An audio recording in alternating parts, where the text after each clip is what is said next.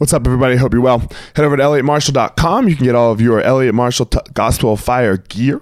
Uh, you know, shirts, webinars, courses, whatever, uh, my book, all of that stuff, elliottmarshall.com, uh, whatever it is you are looking for there. Um, also, don't forget, Fire Marshall 205 Instagram, uh, YouTube channel, all that stuff. Head over there, give it a like, give it a subscribe. Let me know if you're enjoying the content. I would greatly appreciate it.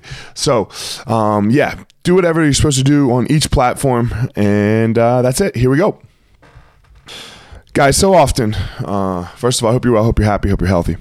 Um, so often, you know, uh, we beat ourselves up for our mistakes right? We we we we get very aggravated, aggravated and frustrated with ourselves, even when it's early on in this process. Even when, uh, you know, it's our first rep, our second rep, our third rep. E, you know, and it doesn't even really matter. It doesn't even matter if, if it's your nine thousand nine hundred and ninety ninth rep, and you and you make a mistake. We still we get so aggravated with ourselves. When in reality, that's exactly the rep we had to take.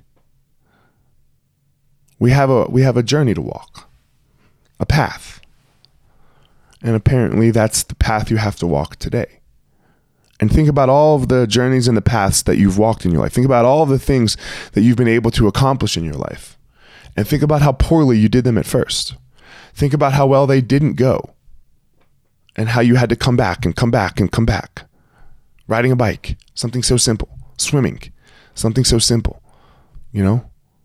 Playing whatever game you're playing you know, basketball, baseball, football. Uh, think, think about it. You have to take the quote unquote bad reps. You have to go through, you have to do that. That's the only way to actual to actual skill.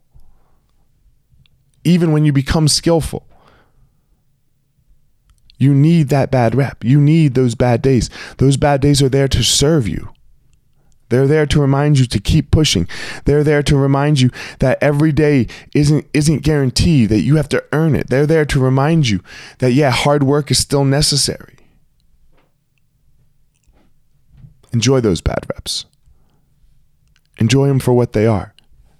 Don't let them don't let don't let them destroy you. They don't have to. Maybe that's just one of the maybe you're just in one of those days. That happens. That happens to all of us. We have those days. My question to you is when that day comes, can you say thank you? Can you love it?